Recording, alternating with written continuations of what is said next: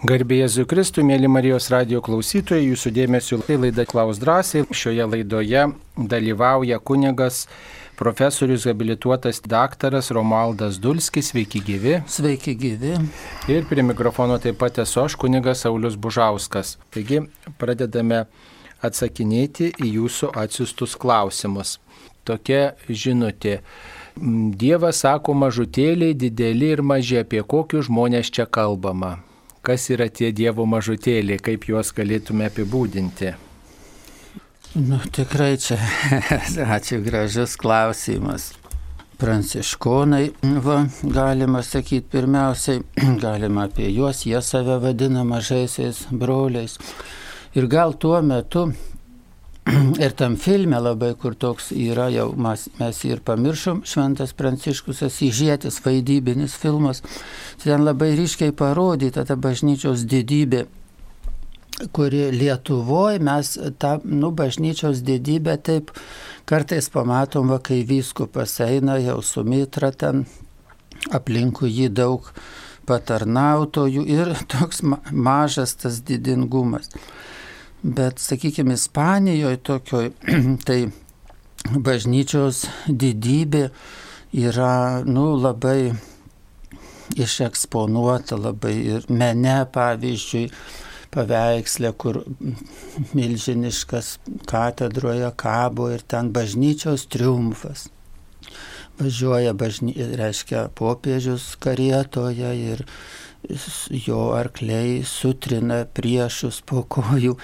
Alegorija tokia, kaip bažnyčia nugali e, ir, ir tas e, Ispanijos e, imperijos turtingumas, kada jie nu, iš tikrųjų naudojosi Amerikos turtais, juos grobė iš Amerikos indėnų auksą ir panašiai. Tai visą vežė į Ispaniją ir, ir tas toks didingumas tuo metu ir visos kultūros kunigaikščių, karalių didingumas, nu, nu ir, ir popiežių taip žmonės suprato.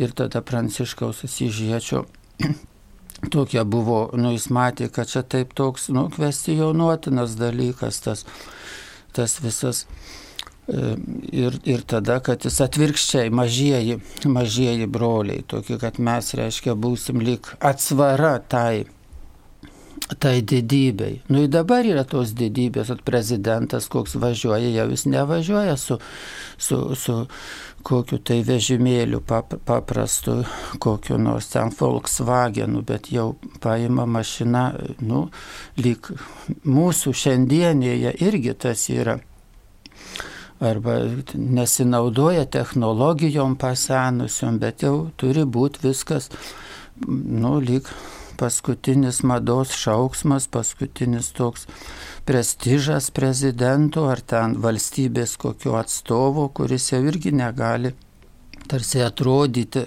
kaip mažutėlis, bet va taip atstovauti ir atrodytų lyg kažkoks nesusipratimas, jeigu, jeigu šiandien, mūsų mąstymė turbūt gal, nu irgi pagal pranciškonų tą teologiją tokią dvasinę, tai sakytume, kad čia irgi nereikia tų visų e, iš tokių išpūstų iškilmių. Ir va toks susiduria turbūt tas. Ir mm, iš esmės tai nu, yra pasaulyje ir tas didingumas, ir tas mažumas. Ir tos savokos savotiškai operuojamos. Kartais, e, aišku, Jėzus ten pasakė, kad tas kelias siauras, tas pražūties platus, išganimo siauras, bet yra tos savokos sąlyginis. Pavyzdžiui, kad nebūk, sakykime, menka dvasis, va būk mažutėlis, nu, taip krikščioniškoj toj kalbėsenui sakom, bet maža dvasis nebūk, būk didžia dvasis, o čia jau kažkokia didybė reiškia, bet tai pozityvi, teigiama ta didybė, didžia dvasiškumas. Ir, ir taip gyvenime negalim labai viską su, suprimityvinti pasakyti, mažutėliškumas visur. Bet ir kompetencija, pavyzdžiui, yra svarbu atgydytojų, kad kompetitingas būtų ir geranoriškas, aišku, žmogus. Ir Ir visur ta šiandiena ir ateityje kompetencija bus, nu, kaip šventumo vienas iš pačių svarbiausių sudedamųjų sandų.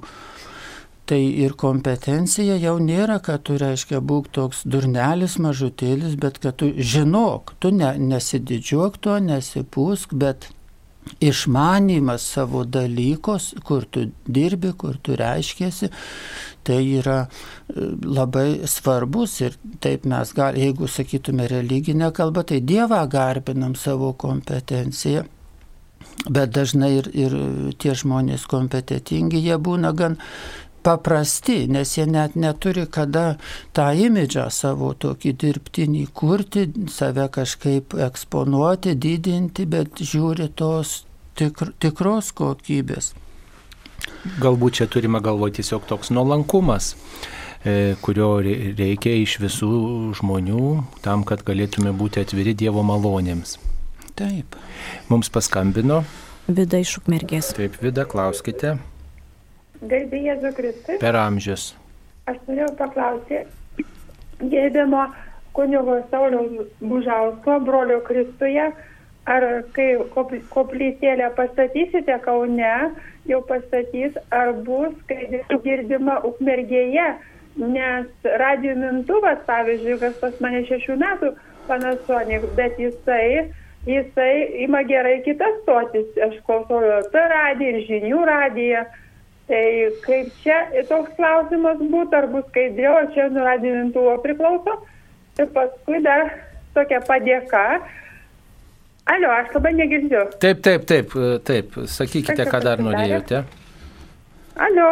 Taip, taip, girdime, girdime, sakykite. Atsiprašysiu, atsiprašysiu nuoširdžiai. Ir dar klausimas toksai, dar paprašysiu, labai dėkinga esu, kai šiandien kalbėjo Marija Juozapas, Marija Žukauskas nes humoro jausmas labai nuteikia linksmai, nes mano dėdukas Juozapas užaugino septynis sūnus ir keturias dukras. Ir labai buvo linksmas. Ir sakydavo žmogus be humoro kaip šuo be būdos, labai visa mūsų giminė tokia humoristiška.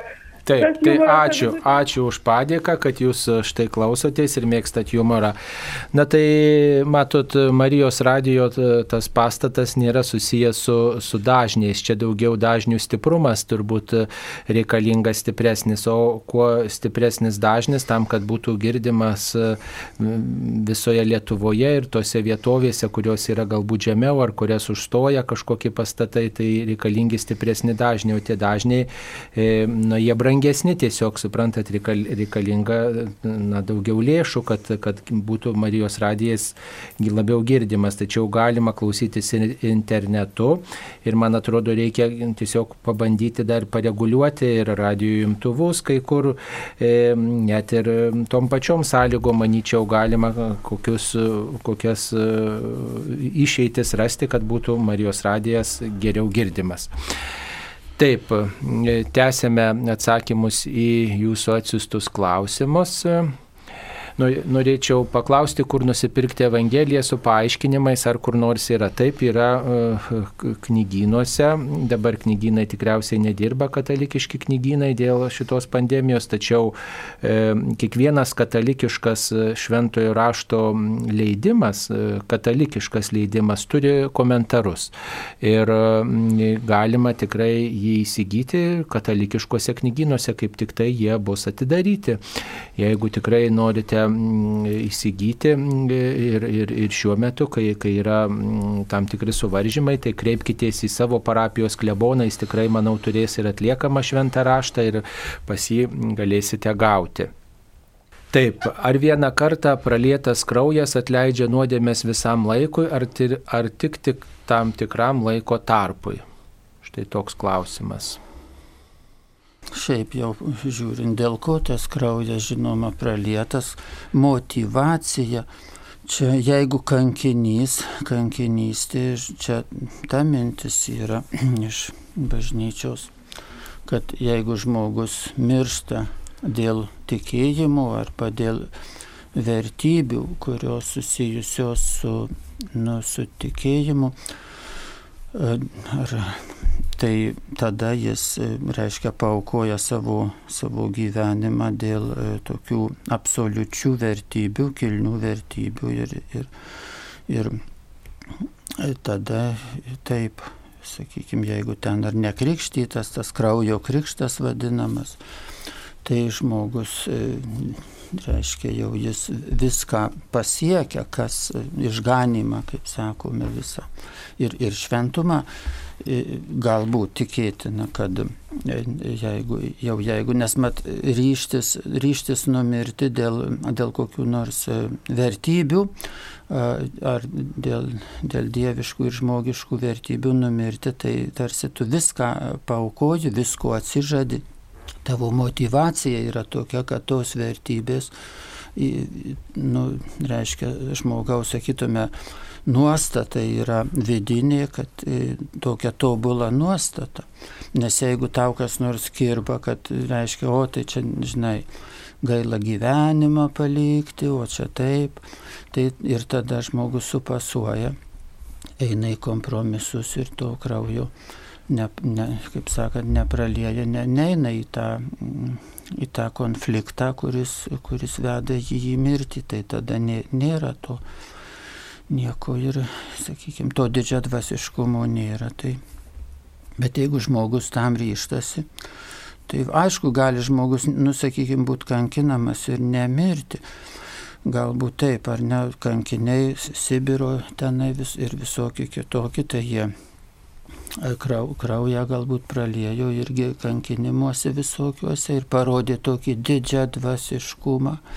Bet gyvenimas toliau tęsiasi, tai žmogus toliau pasirenka kaip nors.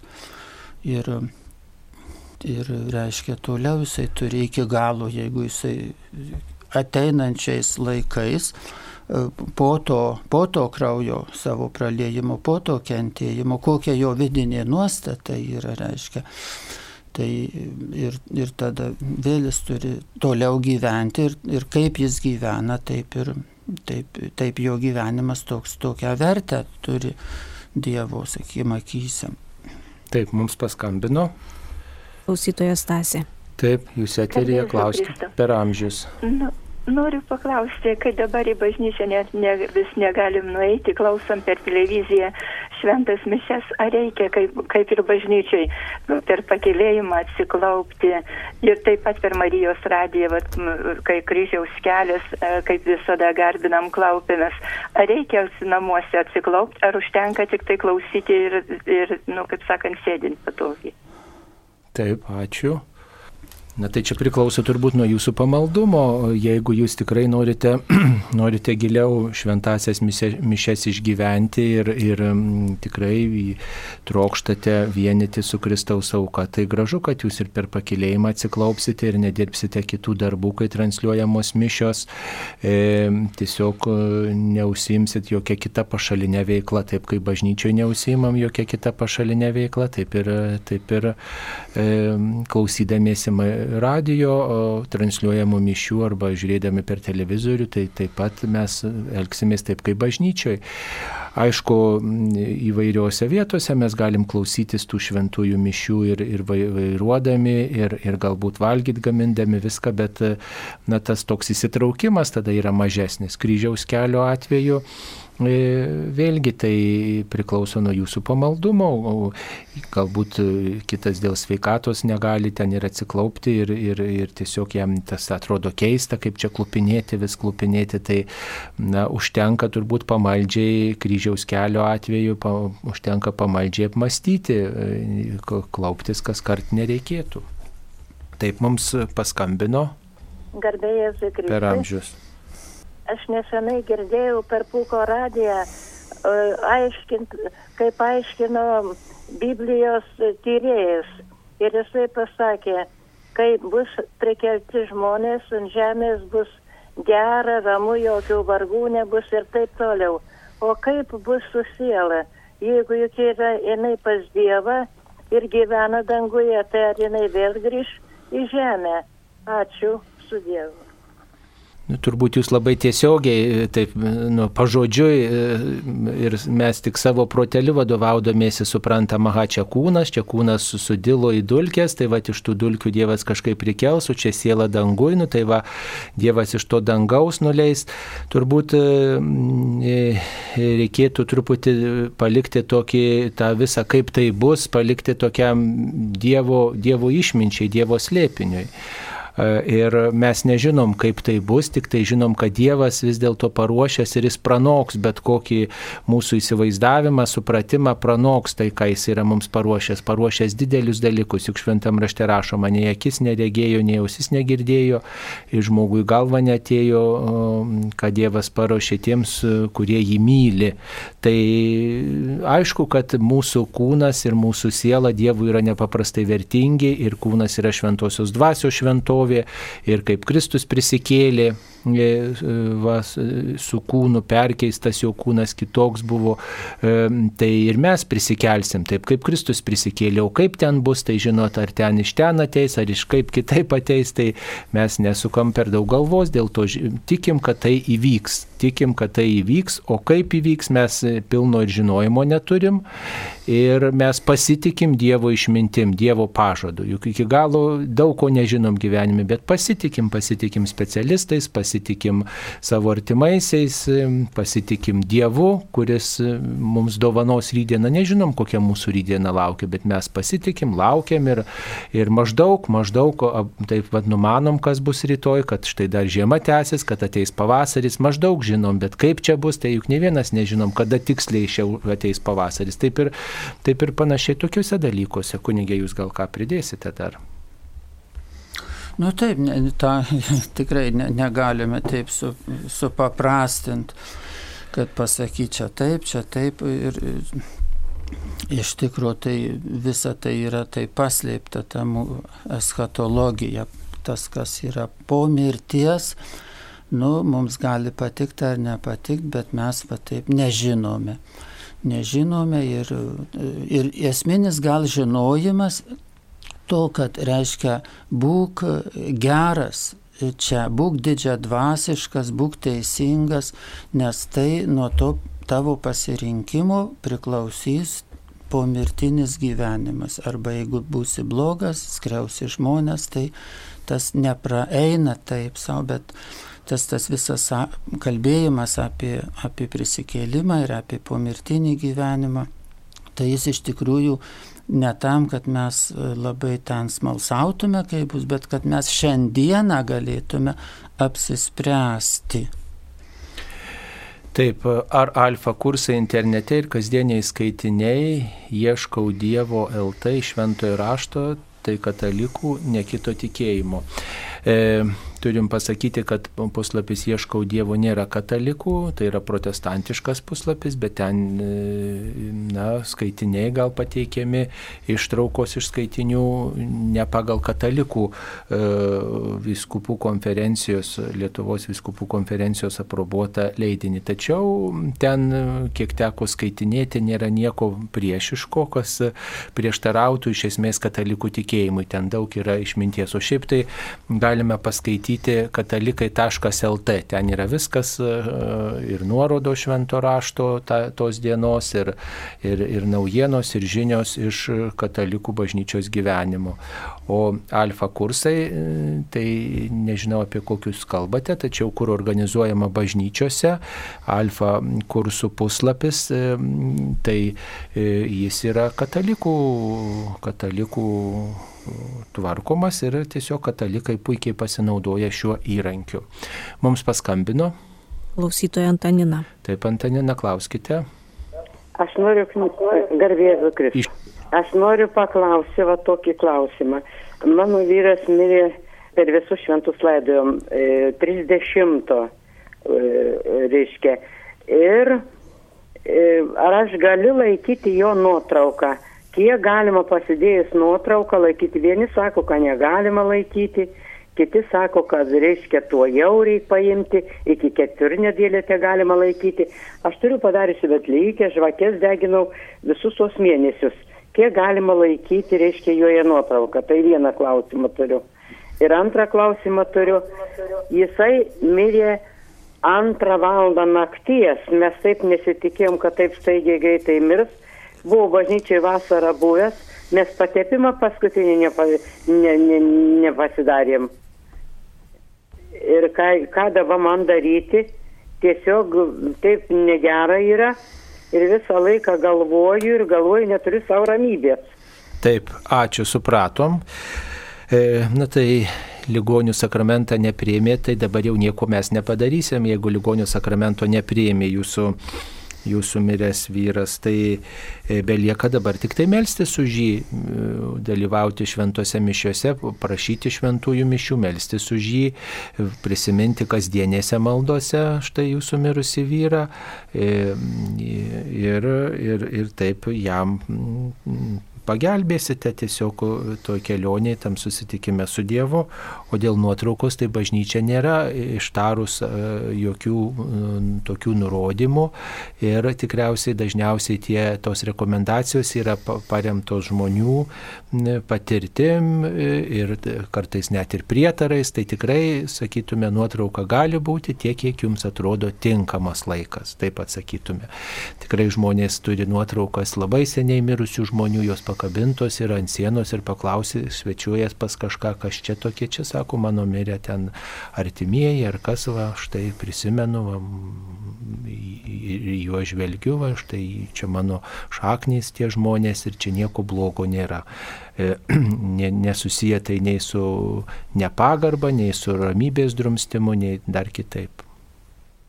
Taip, dar panašus klausimas, po mirties kartais minimas devindienis, devintadienis, kodėl gedulo, taip, kodėl minima tokia diena, devintoji diena po mirties.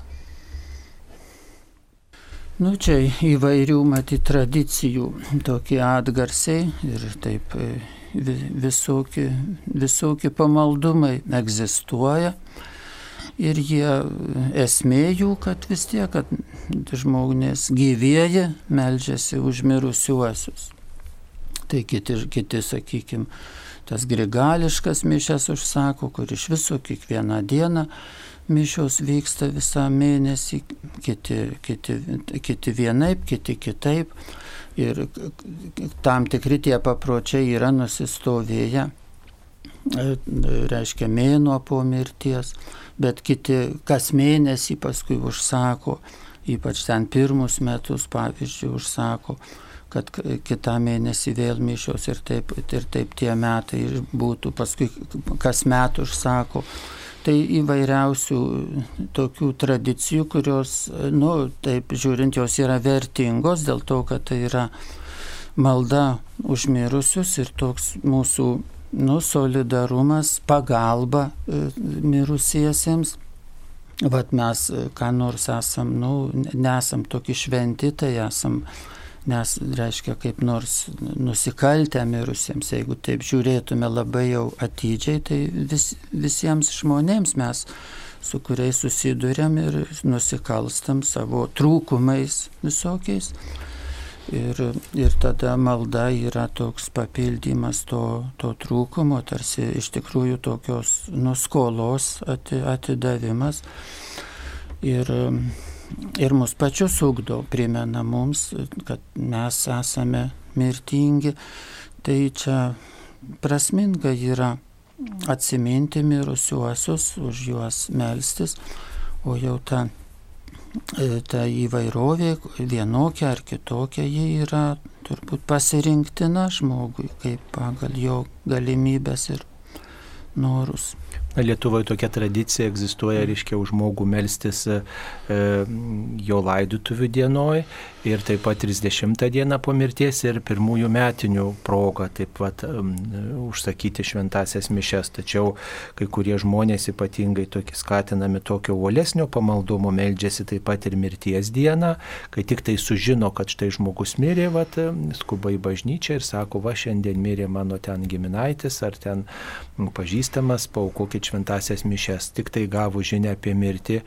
Taip pat, va, kaip ir e, galimybė tokia yra 9 diena po mirties m, užsakyti šventasias mišes ir taip pat e, kartai žmonės pirmo, iki pirmųjų mirties metinių užsako kiekvieną mėnesį šventasias mišes už tą mirusį žmogų kiekvieną mėnesį, ten jo ar mirties diena, ar, ar kada patogu, ar kada yra galimybės, žodžiu, tai va, tokia egzistuoja pamaldumo tradicija. Tai, e, tai padeda tikrai mums prisiminti, pagerbti mūsų artimuosius ir mūsų pačių tikėjimą sustiprina. E, Gedulo namuose mačiau paveikslą, rankoje lelyjo žiedas, o kitoje kažkas panašaus į apverstą L raidę. Na tai turbūt klausimas būtų, kas tai būtų sunku pasakyti, nematant paveikslo, tačiau tai ko gero šventasis Juozapas iš aprašymo. Šventasis Juozapas, bažnyčios globėjas, šeimos globėjas ir taip pat tas, kuris, į, į kurį melžiamasi prašant laimingos mirties malonės. Tai šie metai švento Juozapo metai galima taip pat prisiminti, kad reikia melstis į šventą Juozapą, kad mums padėtų laimingai sulaukti mirties valandos, kad ta mirties valanda neužkluptų netikėtai, kad mes būtume susitaikę, kad suspėtume priimti sakramentus, ligonių sakramentą, šventą komuniją, kad mes būtume atleidę visiems e, ir be kalčių iškeliautume pas viešpatį. Taip, noriu sužinoti, ar Valerijus Rudzinskas tebe vadovauja pilnų namų bendruomeniai, kuris dabar tarnauja. Tikrai nežinom, kuris tarnauja. Pilnų namų bendruomenėje dabar dirba kitas kunigas e, ir ten žodžiu, dabar e, yra nu, kita, kita truputėlį tvarka, pasikeitę yra vadovai, o tiesiog reikėtų klausti Vilkaviškio viskupijos kurijos, kur tas kunigas darbuojasi, mes tikrai negalėtume pasakyti, kuris dabar paskirtas. E, noriu paklausti klausytojas, kur yra kas yra e, Zionas arba Sionas, tokia, toks pavadinimas. Taigi, mm, kiek teko girdėti, kad ta kilmė šio pavadinimo nėra žinoma, iš esmės tai yra kalno pavadinimas, kalvos pavadinimas e, ir dabar ant to kalno stovi Jeruzalės miestas. Ir m, turi keletą tokių prasmių. Dovydas E, užėmęs šitą kalną, pavadino jį Dovido miestu ir šitas kalnas tapo Jeruzalės tokiu sinonimu, Jeruzalės simboliu. Ir kartu tai yra būsimo pasaulio amžino gyvenimo simbolis. Ir mm, tie, kurie gyvena, e, iškia Jeruzalėje, e, tauta vadinama Siono mm, dukra. Ir visas Sionas, tas kalnas ir to kalno gyventojai, iški Jeruzalės gyventojai, e, vadinami Siono e, dukra, tai ta tauta, kuri ten gyvena. Na tai e, taip pat tas pavadinimas siejamas ir su šventykla, va, ir kartu tai yra, na, simbolis ir, ir naujosios tautos, e, Dievo visų Dievo vaikų, e, kurie pas viešpatį būsime tokioj bendrystėje. Tai taip trumpai atsakytume. Gal kunigė kažką pridėsit apie nu, Sioną? Išsamei pasakėt. Va, aišku, reikia pasakyti, kad ant to Siono kalno yra ir Davido kapas ir taip pat ten yra ir paskutinės vakarienės vieta. E, žodžiu, tai Jeruzalė sinonimas.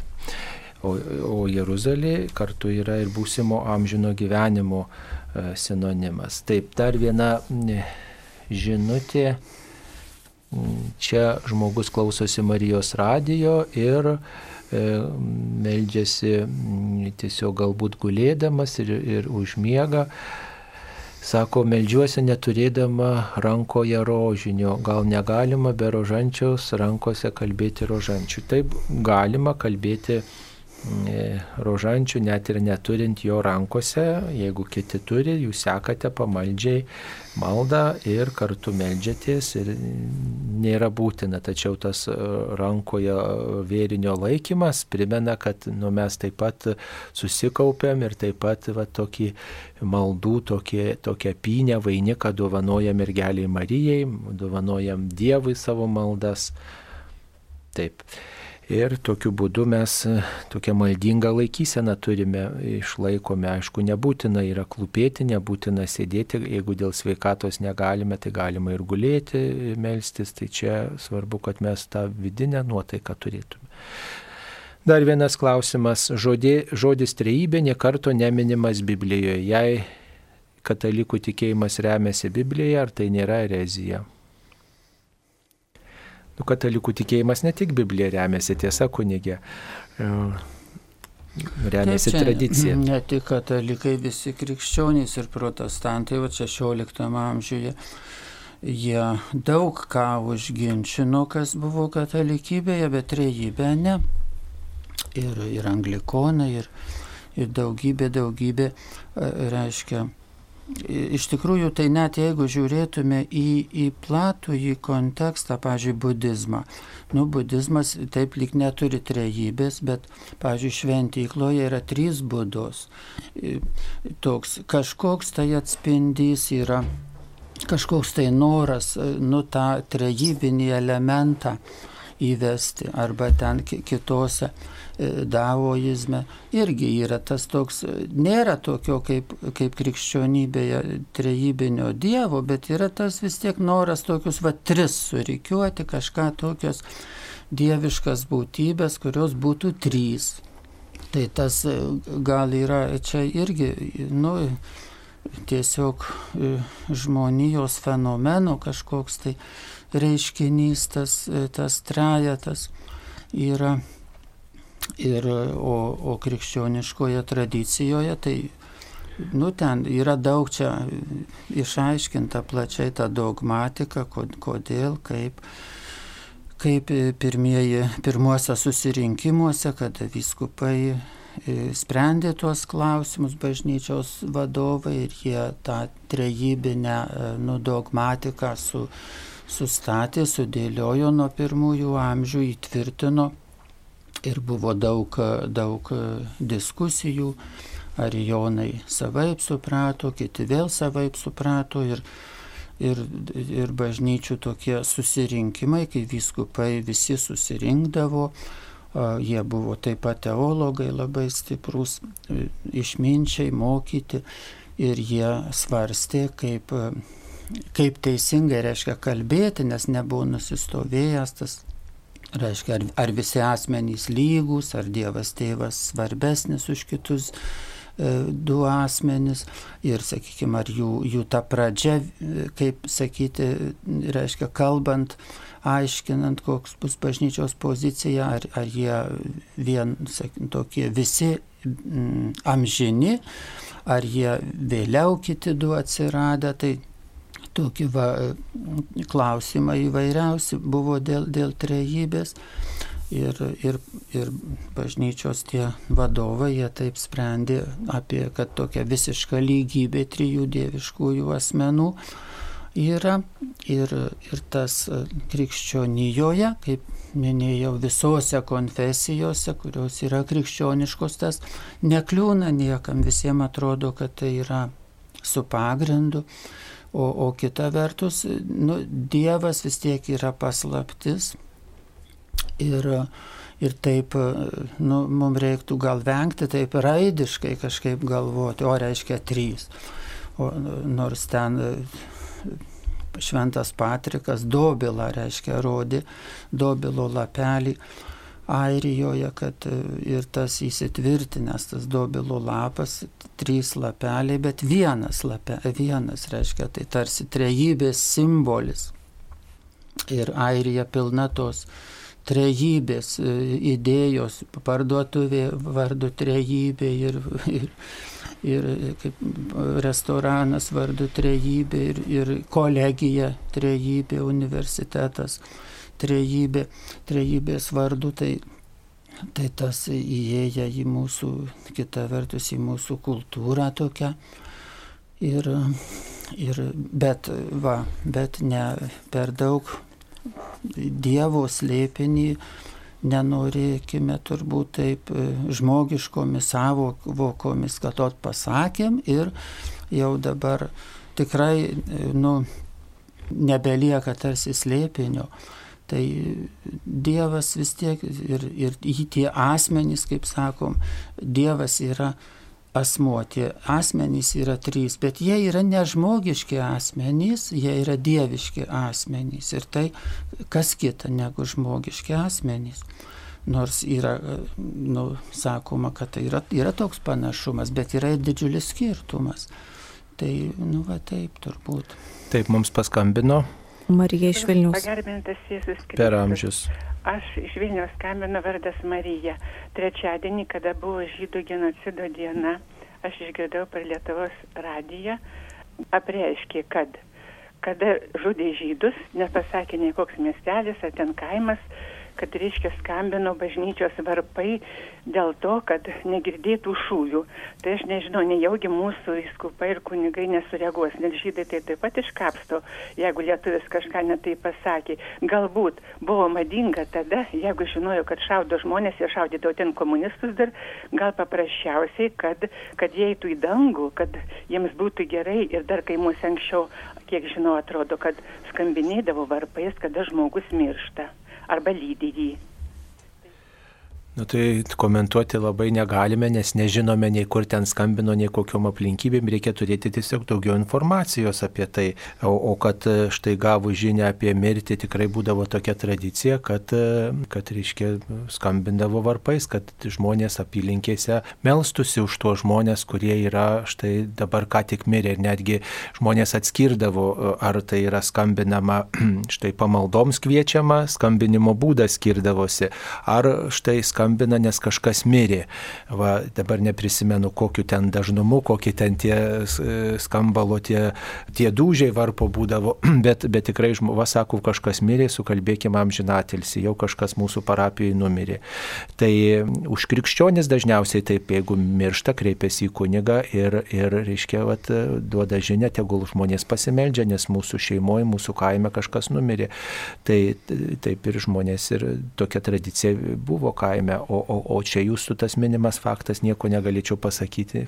Taip, čia sunku, pavyzdžiui, e, skam, pats faktas neaišku, ar tikrai tai buvo e, tą reiktų ištirti kažkaip.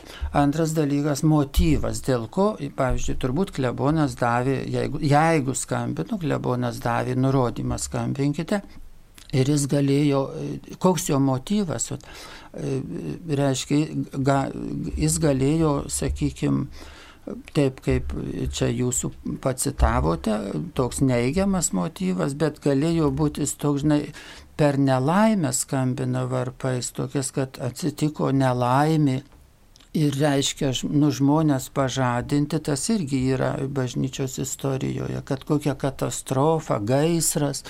Ir tada skambink klebonę varpais, nes, nu, nebuvo jokių kitų tokių pranešimų efektingų Tai jeigu naktį pradeda skambinti varpai, žmonės keliasi iš savo namų ir žiūri, kas atsitiko, tai ir čia gal klebonas norėjo, pavyzdžiui, labai pozityviai pasakyti, kad žmonės pabuskit, ką jūs darot, kas vyksta, atkreipkite dėmesį.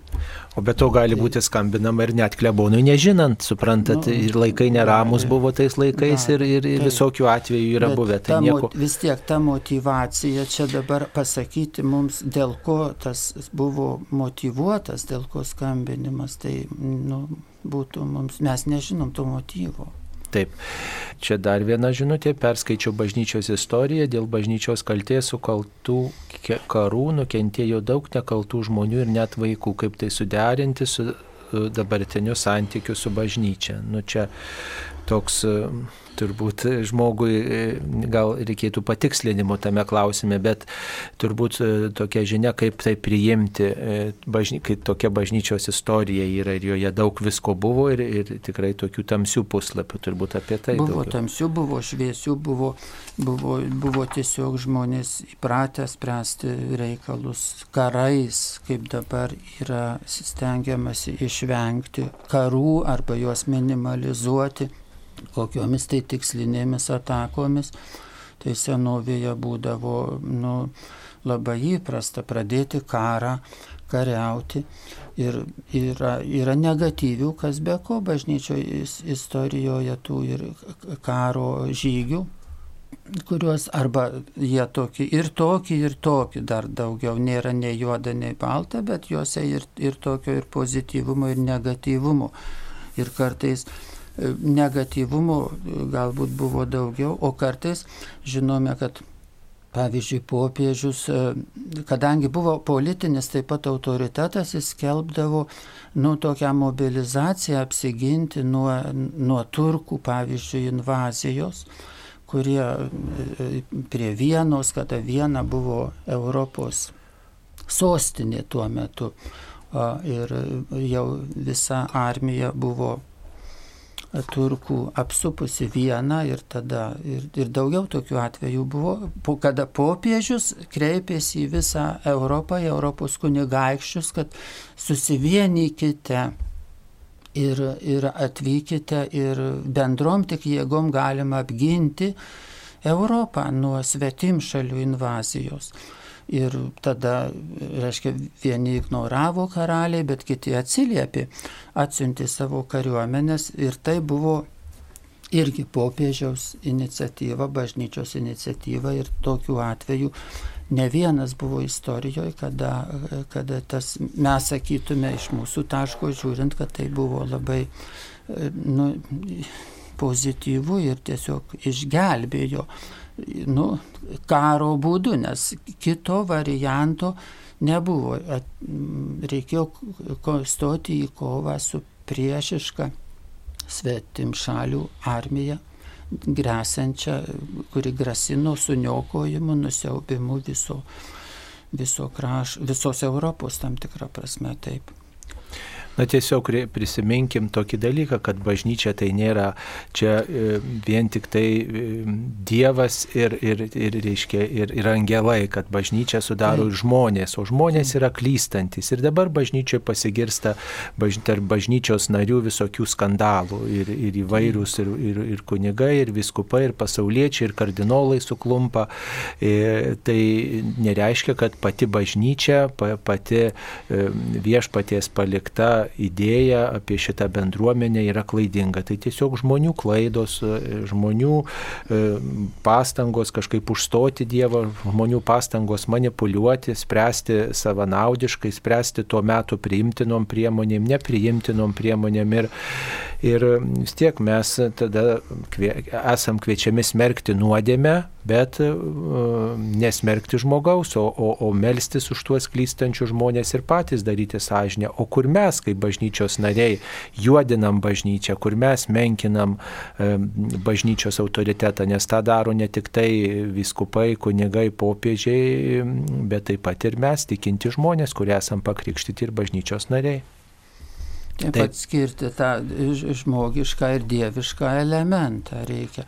Tai bažnyčioje yra ir žmogiškas elementas, ir dieviškas, arba žmonių tokie, ką žmonės daro, kartais gerus, kartais blogus dalykus, bet yra Dievo malonė, kuri veda, reiškia, mokymas, Biblija, sakramentai, religinė praktika, kuri brandina, turi galę žmonės vesti į tam tikrą gyvenimo kokybę.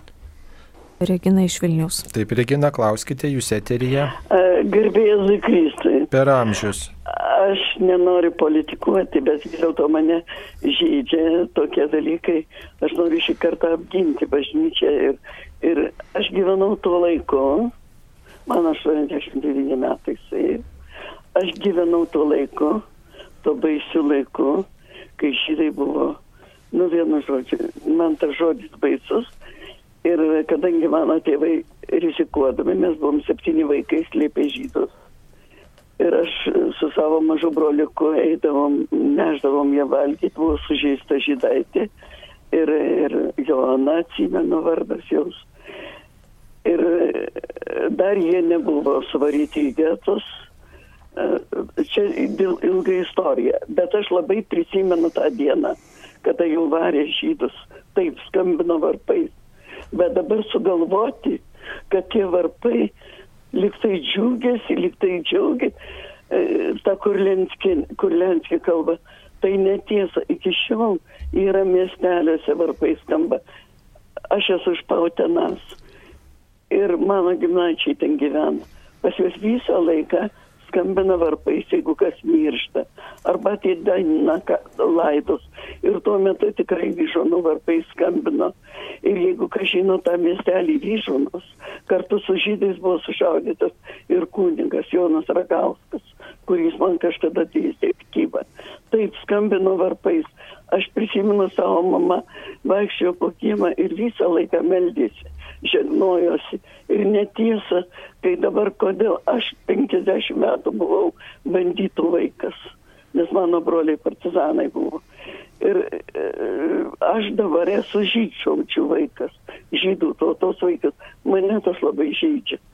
Aš dėl varpų skambinu, kaip galima logika kokia sugalvoti, kad bažnyčia skambino, kunigai davė tokį, kad, kad, kad žydų šaudo. Verkė žmonės. Aš žinau tą miestelį mažą. Visi labai pergyvenom. Tai buvo mūsų draugai, mes žaidėm su žydukais. Nei kuomet mes sutarėm, mokėmės. Ir dabar aš vėl turiu išgyventi paskutinį savo jau saulėlydį. Aš esu žydžiaudžių. Kažkas atsiranda, būtent taip nu nežinau, mane labai skaudina. Taip, ačiū. Varpai, nu, kokia logika, kad bažnyčių, bažnyčia gali skambintis, kaip jinai paaiškina tokius dalykus. O kodėl per Marijos radiją negalim kalbėti? Aš noriu paliūdyti, aš to išeisiu iš gyvenimo. Ir noriu paliūdyti, taip nebuvo. Skambino varpai užmyrusius, užmyrusius, meldėsi visi. Ir, ir nors žydai buvo kitos tautybės, tai yra religijos. Bet kaip pergyveno visi, mes slėpėme žydus, septyni mes buvome maži vaikai, o jeigu kas būtų suradę, aukojosi žmonės, kodėl apie tai nekalbama, tik mes esam žydžiaučių tauta. Me, dabar yra du tik tai, e, reiškia, dvi yra, du, du dalykai yra ginami žydai ir, ir oi, nebekalbėsiu, aš labai. Gerai, ačiū Jums, ačiū, supratom, ačiū už paaiškinimą, tikrai, na va, dėkui, kad Jūs įvardinate ir miestelį, ir taip pat įvardinate, kad žmonės tikrai kvietė maldai, solidarumui tokiam, kad štai vyksta skaudus dalykai, kvietė maldai. Tikrai ačiū už paaiškinimą. E, dar viena žinutė, ar ne per griežtas musulmonų tikėjimas su visų mėnesių ramadanu? Koks jų tikėjimas į Jėzų Kristų ir mergelę Mariją? Na mes katalikų radijas, tai negalim turbūt spręsti, ar griežtas ar negriežtas. Čia reikia klausti jų, o Ramadanas tai dieną reikia pasninkauti, o naktį galima turbūt prisišveisti ten vakare. Nu, turi būti tam tikras griežtumas ar kažkokia auka tokia. Gyvenimas, žiūrėkit, gyvenimas, kokių padaro žmonės neturi iš ko gyventi, jie važiuoja, nu ne dabar, sakykime, bet iš principo į Angliją, ir kokius jie ten darbus gauna, visiškai ne pagal savo įsilavinimą, visokius paprasčiausius ir tie po karo, kurie emigravo. Tai jie nuvykę į Ameriką ar Australiją gavo pačius tokius juodžiausius darbus dirbti. Ar tai, ar tai nėra nu, pačiam gyvenime to griežtumo?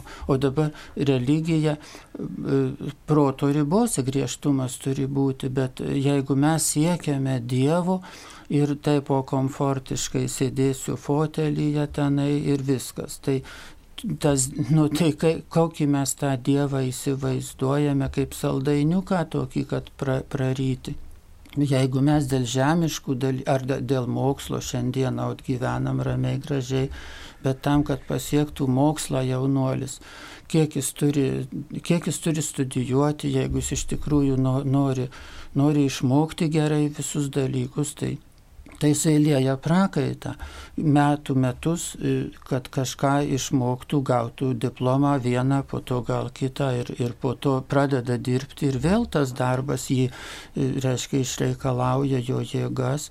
Tai ir religijoje natūralu dabar vieną mėnesį pasninkauti. Visą laiką reikia kažkokį, turi, kai Jėzus, jisai savo gyvenimą, nu mes vadinam kenozę, reiškia, yra tam tikras apribojimas. Jis mums, jis būtinas, natūralus, jeigu, jeigu nebus to kietesnio to aspekto mūsų gyvenime, tai, tai ką, ką mes, kokia čia būtų religija ir koks čia gyvenimas. Tai jis būtinai, nes dėl to, kad yra atsvara. Reiškia, dėl studentas vargsta dėl to, nu, kad jis žinių nori, jis nori išmokti, nori gyvenimui pasiruošti.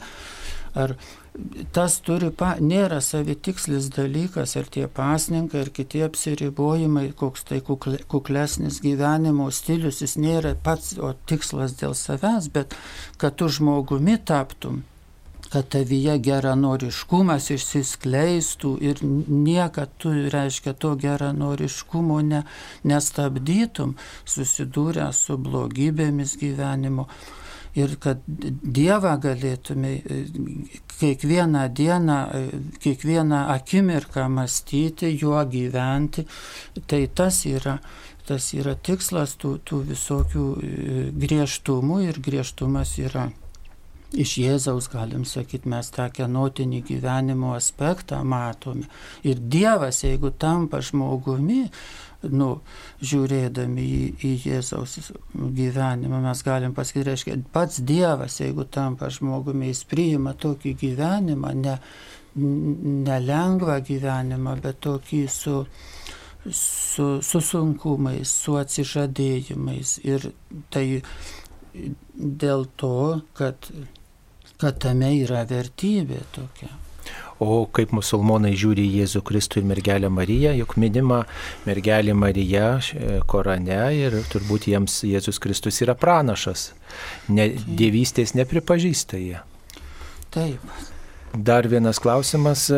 Marijos litanijoje yra žodžiai aukso namai, sandoros skrinė. Ką tai reiškia? Taigi, m, trumpai galim pasakyti, kad Aukso namai reiškia e, vertingus namus, jau pats žodis auksas reiškia verting, vertingumą. Ir mm, tai tokia nuoroda, aluzija ir į tabernakulį, kuriame laikoma švenčiausiasis sakramentas ir tabernakulis dažnai būna ar pauksuotas, arba va, tokia imitacija, užuomina, kad štai yra na, vertinga vieta švenčiausiam sakramentui saugoti. Ir kaip Marija vadiname aukso namais, na tai ir tokiu būdu pasakoma, kad štai Marija nešiojo viešpatį savyje, na ir tą pačią didžiausią vertybę šiame pasaulyje, patį Dievą, kuris atėjo e, į Mariją kaip į tabernakulį.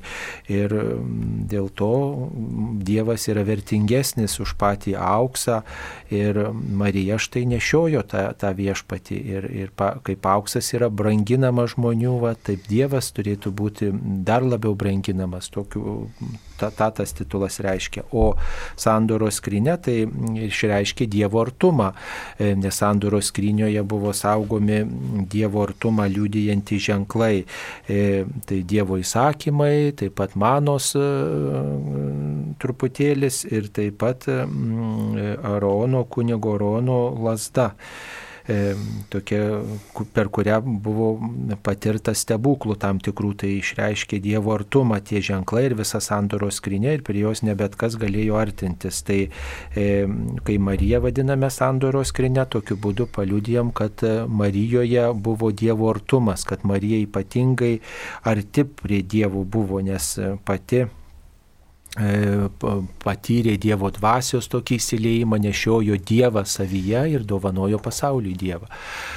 E, taip, dar atsakysim į vieną žinutę, kaip man įtikinti vyrą, kad reikia eiti iš pažinties ir komunijos, nes esame prieimę santoko sakramentą. Ar reikia įtikinėti? Turbūt nereikia įtikinėti, tiesiog priminti apie tai, priminti, kalbėti apie tai, bet tikėjimo, matot, nu, prievartą ne, ne, nepriversim, sąžinės prievartauti tikrai nereikia. Priminti, kad kiekvienas katalikas turėtų bent kartą metuose atlikti išpažinti, bent kartą metuose atlikti išpažinti, apmastyti savo gyvenimą, nes vis tiek reikia kritiškai pažvelgti į save ir priimti tą susitaikymo malonę. O jeigu žmogui to nereikia, nemato prasmės, na tai belieka melstis už jį ir laukti, kol vis dėlto jis tą prasme pamatys. O įtikinėti, nu kaip mes galim įtikinėti, tiesiog parodyti svarbą, vertę to dalyko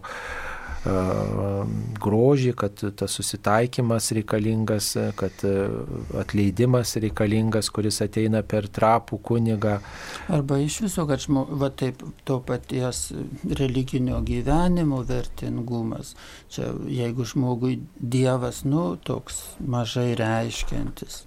Dešimtoj vietojo gyvenime ar šimtojoj vietoj Tai jeigu žmogui malda yra kažkur labai toli, tas maldos gyvenimas ir skaitimas, jeigu, jeigu mes žiūrim tik tai ten kokias nors laidas per televizorių, tokias ir, ir nieko apie Dievą, tai va čia yra galbūt irgi pats, pats mūsų gyvenimas ko jisai, ko jis vertas, į kaip jisai pripildytas Dievu. Tai jeigu prisipildo kažkaip tas žmogus suvokia, kad, kad nu, ne, negerai yra gyventi vien būtiškai ir kad ta, ta nuodėmė, galim sakyti, kaip rytų bažnyčia sako, kokia didžiausia nuodėmė Didžiausia nuodėmė, kad tu Dievą sumažinai savo, savo protę, reiškia, kad, kad Dievas yra nereikšmingas. O tai yra didžiausia nuodėmė, iš kurios viskas prasideda. Arba mes sakytume ne nuodėmė, gal bet tokia, bet tikrai, tikrai problema arba pagrindas. Ir jeigu tu gali eiti į tą, kad Dievas yra reikšmingas, kad duoti prioritetą, Dievui ir visą, ką, ką, ką mes kalbėdami apie Dievą, ką mes turim galvoje apie žmogų. Jeigu tai duodame pirmenybę tiems dalykams, o kad prabudau ir aš galiu gyventi taip, kaip Dievo žmogus noriu taip gyventi. Ir baigdamas dieną, ir per visą dieną aš noriu viską daryti ir profesinį darbą dėl Dievo dirbti ir visą gyvenimą gyventi su Dievu, tai tada nebelieka tų problemų ten nuveiti, ar tą atlikti, ar aną atlikti, kokią religinę praktiką. O jeigu Dievas nusistumė, kažkur nusistumė, tai tada ir, ir tas, ir, ir anas niek, niekas nebesiklyjuoja. Taip mums paskambino. Klausytoja Adai. Per amžius. Norėčiau pakalbėti, turiu keletą klausimų dėl bažnyčių tų uždarimų, kurio mišios nevyksta. Taip, Dabar trum... televizorius ir internetas tapo bažnyčios autoriumi. Man tai e, žiūrėti šventas mišes per televiziją nesukelia jokių emocijų. Šiaip tai, kai žmogus e, būni prislėgtas, būna sunkios valandos, tuomet glaudiesi prie bažnyčios ir meldi Dievo palaimos, globos, apsaugos. O dabar reikia glaustis prie. Taip, supratom. Prie... O ką jūs norite paklausti, gal norėtumėt kažką paklausti?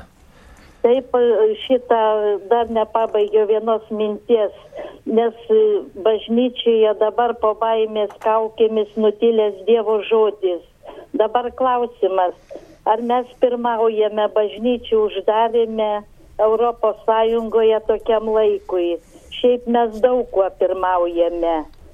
Ar viskupai pasikliauja tik šimonytės pamastymais ir ar ne per lenkta lasda, ar bus e, galima sugražinti tikinčiuosius į bažnyčią, kur aš labai abejoju ar tie ekspertai, kurie patarinėja, ar jie yra tikintis.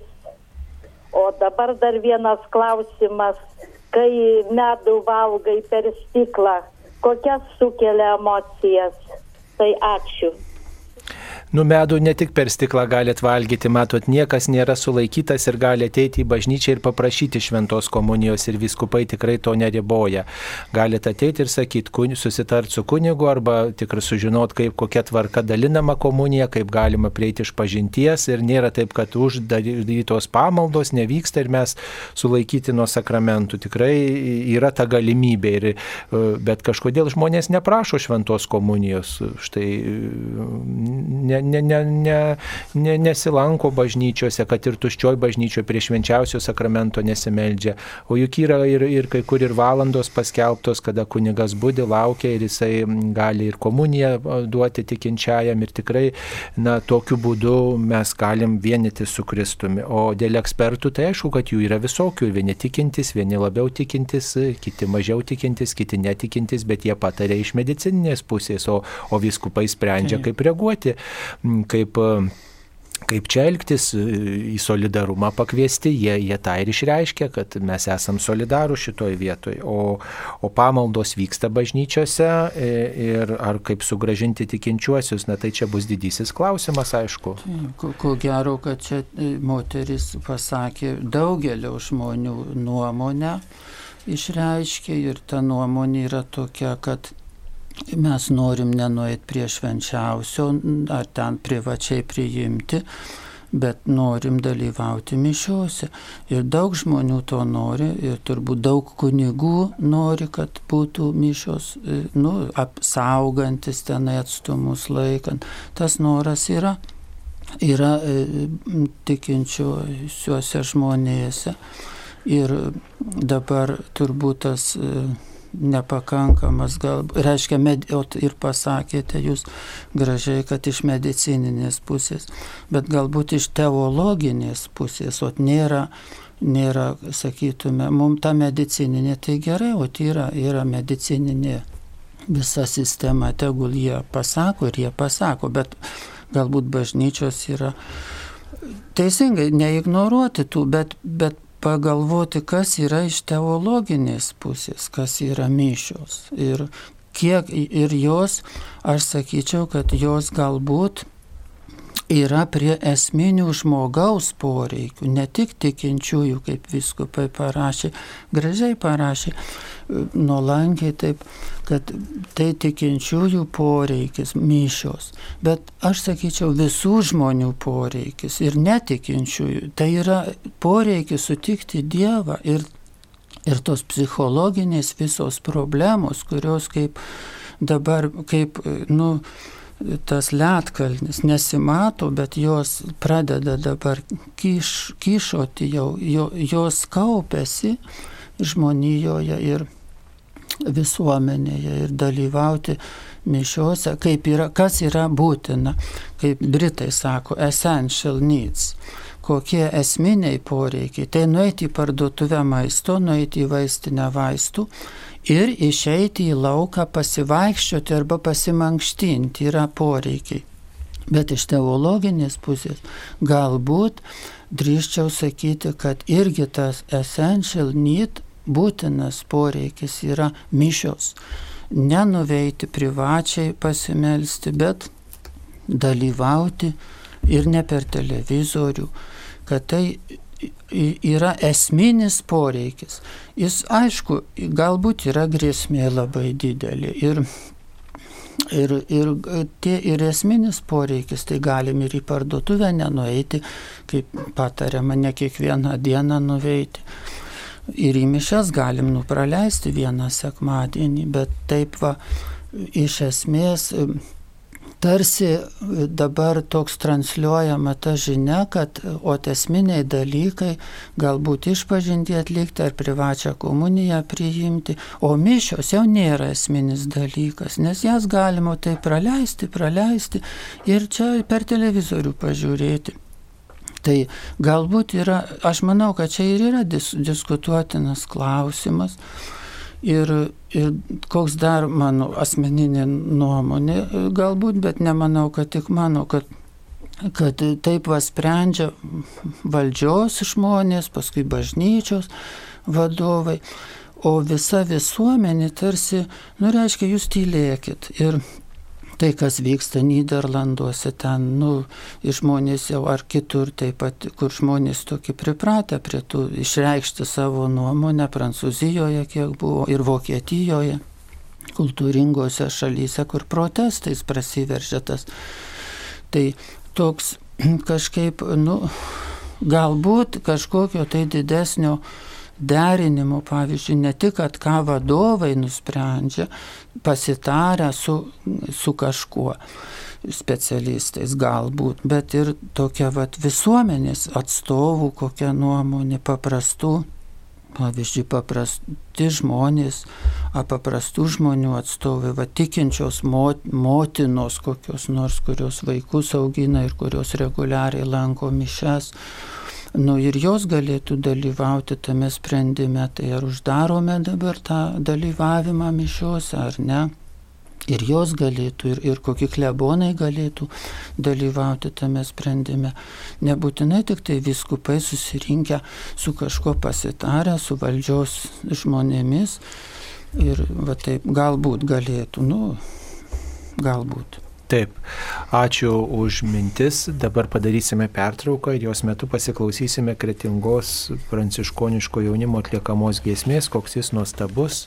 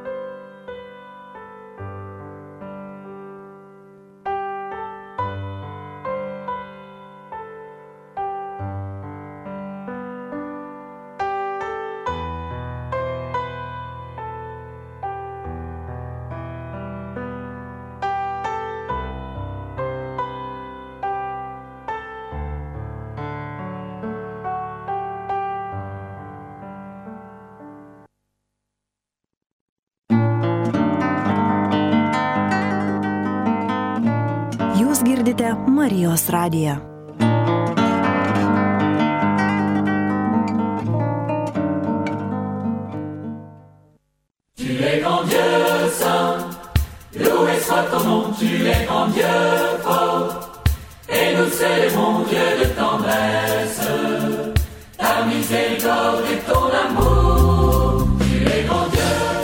Pokalbių laida Klausk drąsiai.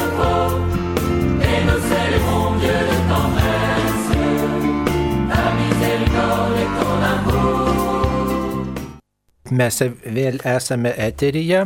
Šiandien prie mikrofono yra kunigas Romualdas Dulskis ir aš kunigas Saulis Bužauskas. Taip, keli klausimai, kuriuos trumpai atsakysime. Kiek šalių turi Marijos radija, gal ir yra televizijos transliacijos? Na, Marijos radijas transliuojamas turbūt 80 įvairių šalių, o televizijos transliacijos taip pat yra, tik tai ne, ne, nėra taip jau su Marijos radijomis susijėtos bet yra tikinčių, na, taip sakant, tokių tikėjimo žinę skelbiančių televizijų kurios bendradarbiauja šiek tiek su Marijos radio redakcijomis.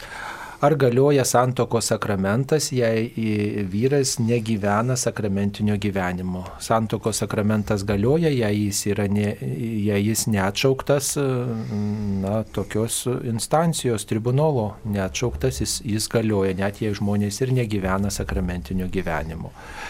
E, taip skaudina nepagarba kryžiams kryžių kalne, nes nestetiškai sumesti kryžiai, ar Dievas tai pateisina, kam tai reikalinga.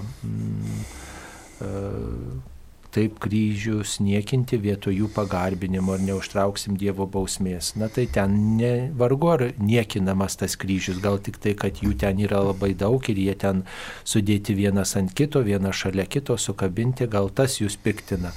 Tačiau tai tam tikra tokia tikėjimo išraiška žmonių atnešti kryžių į tą vietą, kur daugybė žmonių meldžiasi ir va tokiu būdu išgyventi piligriminę kelionę. Aišku, tie kryžiai ten vieni kitų neturėtų būti dedami, turbūt reikėtų kažkaip pagarbiau tą atlikti. Ta, tame yra tokios nepagarbos, bet e,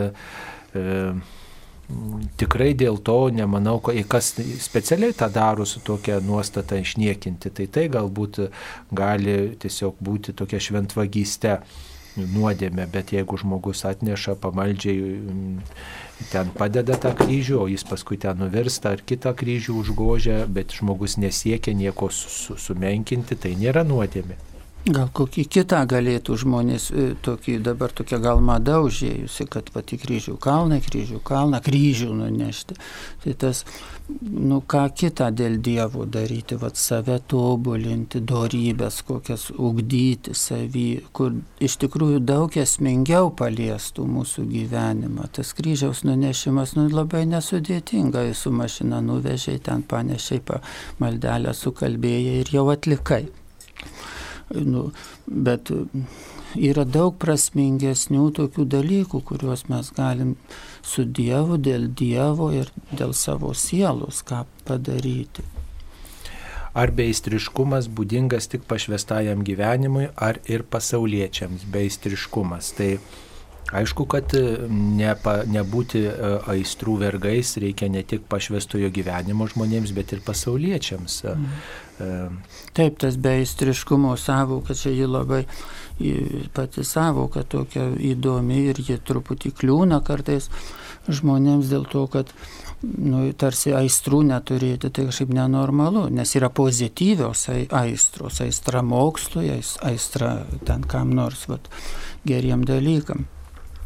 Tai, tai čia tas aiškinimas reiškia, kad mes turim negatyves aistras ir jos e, prisirišimus įvairiausius ten ar ką tai jos užgožia tą tikrąją sielos energiją, kurią žmogus natūraliai, kuri išsiskleidžia, kada kada tos išorinės ir blogo, tai yra, atsiprašau, ne išorinės, bet blogosios aistros, kada jos už, užgesta, užgesinamos, įveikiamos, tai žmogaus e, esybėje, sieloje ir kūne atsiskleidžia ta natūrali tikra energija, tikroji, tikrasis tas aistringumas gėriui, Dievui, nu, va, visokiem pozityviem dalykam. Ir, ir čia toks, reiškia, nu, va, tas mokymas apie tai kalba, kad jeigu mes ne, kol mes nenugalime tų blogųjų aistrų, tai mes iš tikrųjų negyvenam tokio visaverčio gyvenimo, nes mes lyg kokį prislopinti esam. Ir, ir, ir ta prasme kiekvienam žmogui tada, kuris nori gyventi visą vertį gyvenimą, kuris nori, kad jame energija, ta autentiška žmogaus energija, die, dieviška ta energija atsiskleistų ir, ir stipriai atsiskleistų, tai, tai dėl to reikia mums nugalėti tas negatyves aistras. Kaip sužinoti, iš kokių medžiagų ir kokių vaistų daro vakciną, kaip žinoti, ar vakcina nepavojinga žmogaus sveikatai. Na, čia nėra mūsų, taip sakant, žinių ribose atskleisti, svarstyti tokias temas. Mes galime tik tai apie vakcinos moralumą kalbėti, kaip tik tai šiandien ganytojo žodžio laidoje iš tokios moralinės perspektyvos vyskupas kalbės apie vakciną, prašome klausyti, po 18 valandos apie tai bus laida.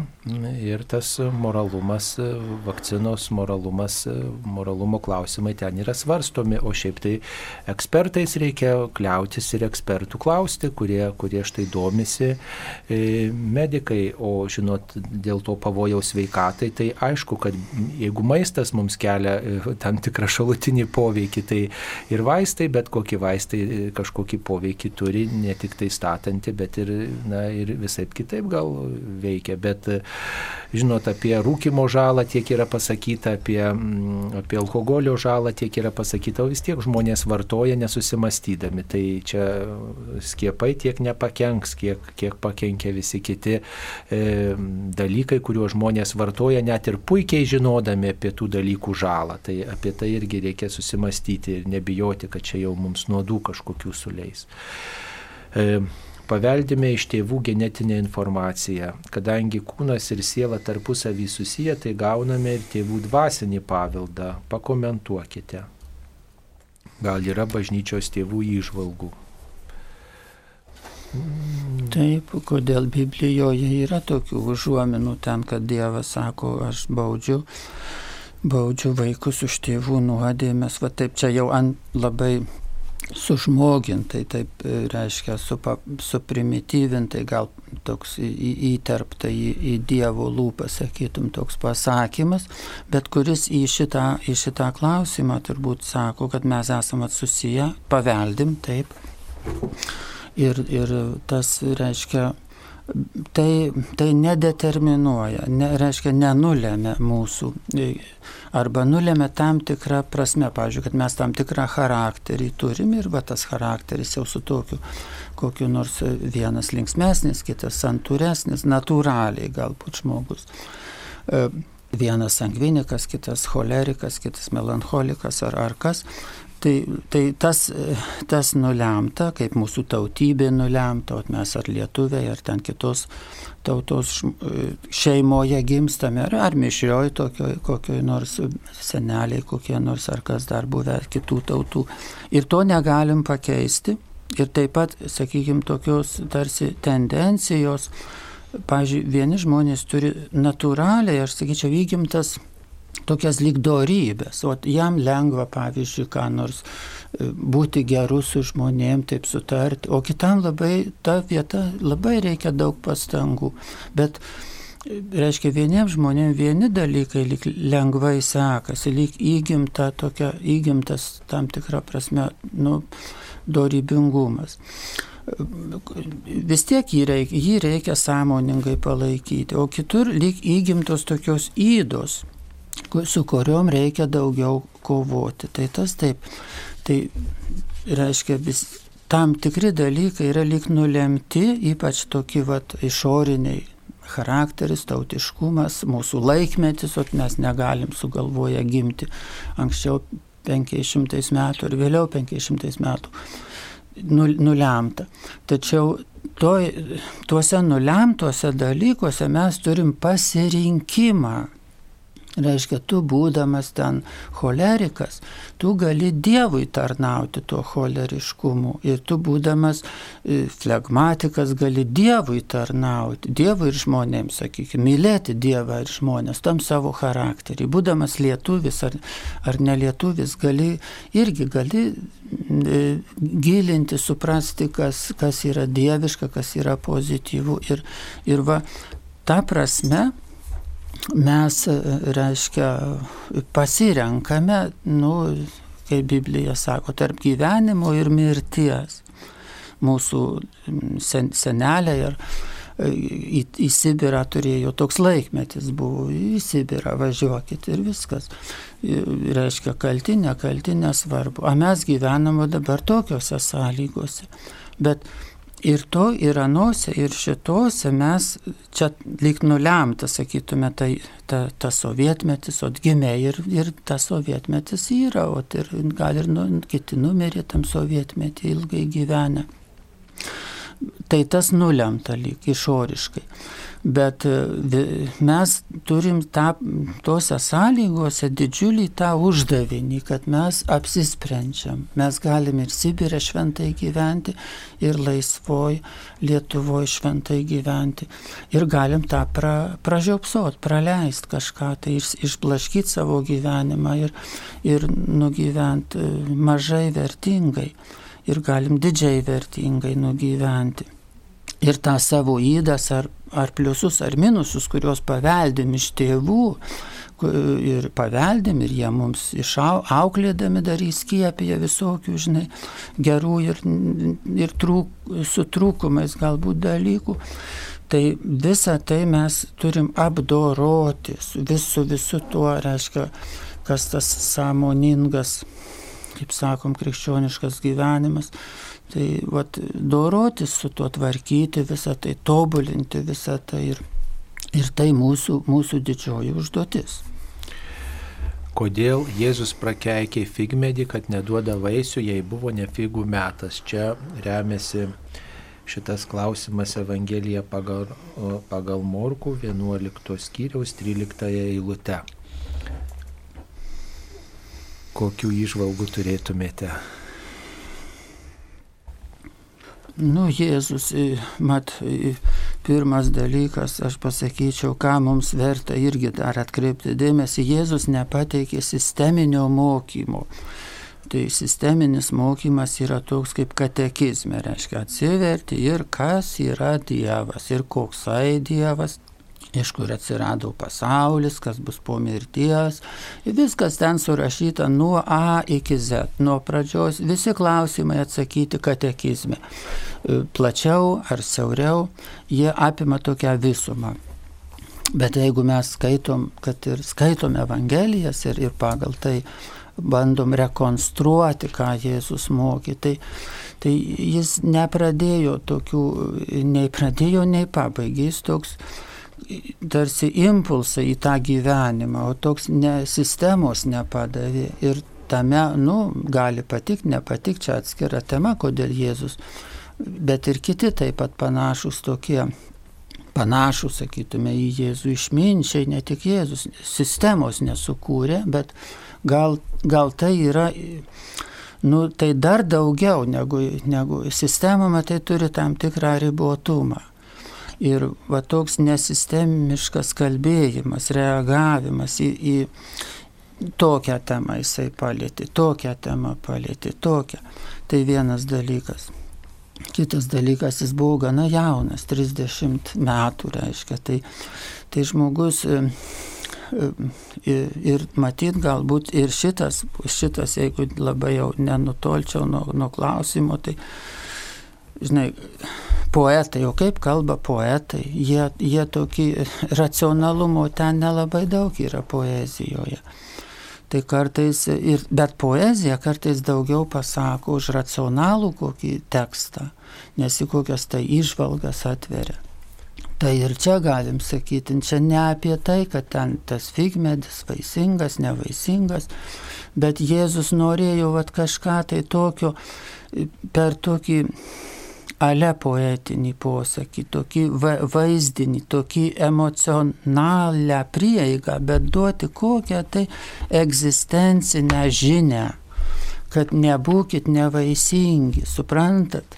Jeigu jūs taip savo sėdit tik tai gyvenime ir tik žiūrit, žinai, nu tokios kažkokio tai stumti dienas, tai tai, tai nėra gerai.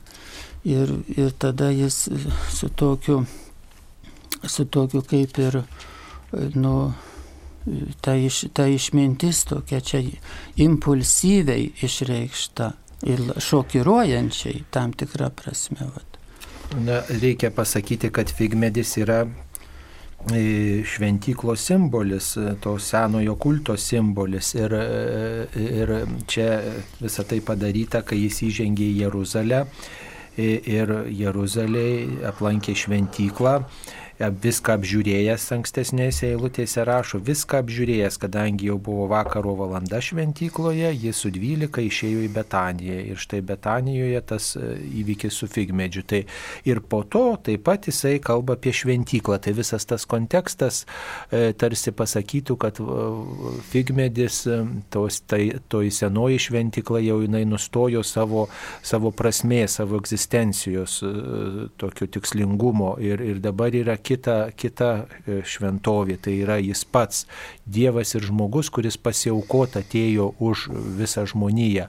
Ir e, štai toji šventikla jau jinai na, nebeduoda vaisių, net ar toks metas, ar kitas metas nėra tinkamų vaisių, jau praėjo tas vaisių metas. Ir dabar yra kitas laikas, kitas etapas, kurį reikia priimti, tiesiog tokia būtų prasme, taip galėtume mes pakomentuoti. E, jei yra neaiški Biblijos eilutė, ar geriau klausti ir ieškoti atsakymo toj pat, ar laukti, kol ateis atsakymas. Pavyzdžiui, Faustina gavo atsakymą po 13 metų. Tai ir šitai ir anai, sakytume, ir klauskite ir ieškokite dabar, bet žinokit visada, kad e, ne, neišsemsite tos eilutės atsakymų ir net jums pats Saliamonas atėjęs čia atsisėdęs neišaiškins visko, taip sakant, ir pats geriausias biblistas neišsems visų prasmių, nes tai yra Dievo žodis. Galim ir naujom gyvenimo aplinkybėm savo pritaikyti visiškai kitose situacijose tą žodį ir, ir įžvalgų naujų ateiti gali ir, ir tiesiog plėstis tas pažinimas. Tai tiesiog neužtrenkti savo tokio žinojimo, kad vat, gavau atsakymą ir to pakanka. Viską žinau. Tai, tai čia yra didysis pavojus. Didysis pavojus. Visada reikia atvirumą mums išsaugoti. Mes skirta žmogui raida tokia, kad mes auktume, keistumės, giliau suprastume patį gyvenimą, Dievą suprastume. Nors e, galim kateche, pagal katekizmą viską reiškia, tai žinau, išmokau teisingai, bet ta išvalga, suvokimas apie Dievą. Ir dar labiau suvokimas apie save. Atrodo, nu ką aš apie save, bet iš tikrųjų mes kas aš esu, kaip aš save suvokiu. Tai čia yra tokie, tokios begalybės, yra suvokti save. Tai ir, ir eilutės vienas dalykas, bet kitas ką jos mums asmeniškai pasako ir kokia yra, nu, nestabdyti savo raidos mums labai svarbu. Taip, dar vienas klausimas apie ramybę. Kvietimas pakomentuoti Mato Evangelijos 10 skyrių. Jeigu namai bus verti, te ateinie po jūsų stogų jūsų ramybė. Jei nebus verti jūsų ramybė, te sugrįžta jums. Kas, ką reiškia verti? Pagal ką vertinama, kas apsprendžia ir kaip galime skaityti šių laikų kontekste. Nebus verti, jūsų ramybė te sugrįžta jums. E, Evangelija pagal matą, dešimtas skyrius e, ir nuo 12 iki 13 eilutės tas vertumas, tai nu, turbūt tas prieimimas. Prieimimas gal. Gal čia, gal pirma mintis, jeigu, gal kad Jėzus reiškia, sako, eikit su tokia nuramybė, su tokiu tvir, tvirtumu kartu, tokia tokiu ramumu nus, ir, ir eikit į pasaulį. Ir kas be atsitiktų, reiškia, tą ramybę skleiskite, jeigu jis kleisis, tegul skleidžiasi, jeigu ji nesiskleis, atsimuš į žmonių širdžių kietumą, tai jūs neišsimuškit jūs patys. Ta ramybė, reiškia, tegu būna su jūs būkite toj, toj ramybėje, jūs būkite, jis tokį, nu, reiškia, jiems tarsi įtaiga galbūt sako, arba tokį padrasinimą, kad ta ramybė te būna, jūs nepasimeskit, o žiūrėsit, ten tą ramybę tarsi skleisit, ai žmonės sakys, žinai, mums neįdomu, arba kas mums, kiti mums prioritetai tiesiog. Tai jūs nesutrykite, būkite jūs toje toliau, toje nuostatoje, nes, nes ta, ta ramybė Dieve, tas įsišaknyjimas Dieve, jisai duos vaisių, jisai duos. Nu, turbūt. Panašiai. Taip, dabar dar vienas klausimas apie malonę. Štai maldoje yra neleisk man viešpatė ne valandėlės nuo tavęs atsitraukti ir tavo malonę prarasti. Ar galima prarasti Dievo malonę, jei jį išsiliejo be saiko? Ir jei žmogus priima Jėzų ir gyvena tikėjimo gyvenimą. Aišku, kad e, malonę galima prarasti, e, e, kai žmogus nuo jos nusigrėžia. Na tai ta malonė tarsi laukia prie durų, tarsi yra šalia, bet žmogus jos tiesiog nepriima, nebendradarbiauja su jie. Tai kai nuodėmė darom ir prarandam Dievo malonę ir nuo jos atsitraukiame, jo, su ją nebendradarbiaujam, jos nepriimam. Na va. Taip, gyvenam, sakykime, gerai, gavome didžiulę malonę priėmėm komuniją ar, ar šventą dvasę mus pripildė, pripildė ir mes tokie pilni, be galo, be galo pilni. Bet ateina kokia nors būtinė žinutė, žinai. Nu ir, ir viskas tada tu panardinamas į tą būtį, o tavo vaikai langus išdaužė kaimynui, kaimynas atėjo, žinai, sako, tas kainuos 500. Nu ir tu dabar galvoji, tu kodėl penki, o kodėl ne du su pusė. Nu ir reiškia, ir tada vat, tokios situacijos arba kitos kokios nors tokios labai, labai būtinės darb, darbą tu praradai, o tu turėjai darbą, žmona sako, ką man tavo šventą dvasia, eik pinigų uždirbk ir žmogui tokie visokie būtiniai išbandymai. Arba paprastai sakant, o pripildė šventoji dvasia tenai, bet ateina kita diena.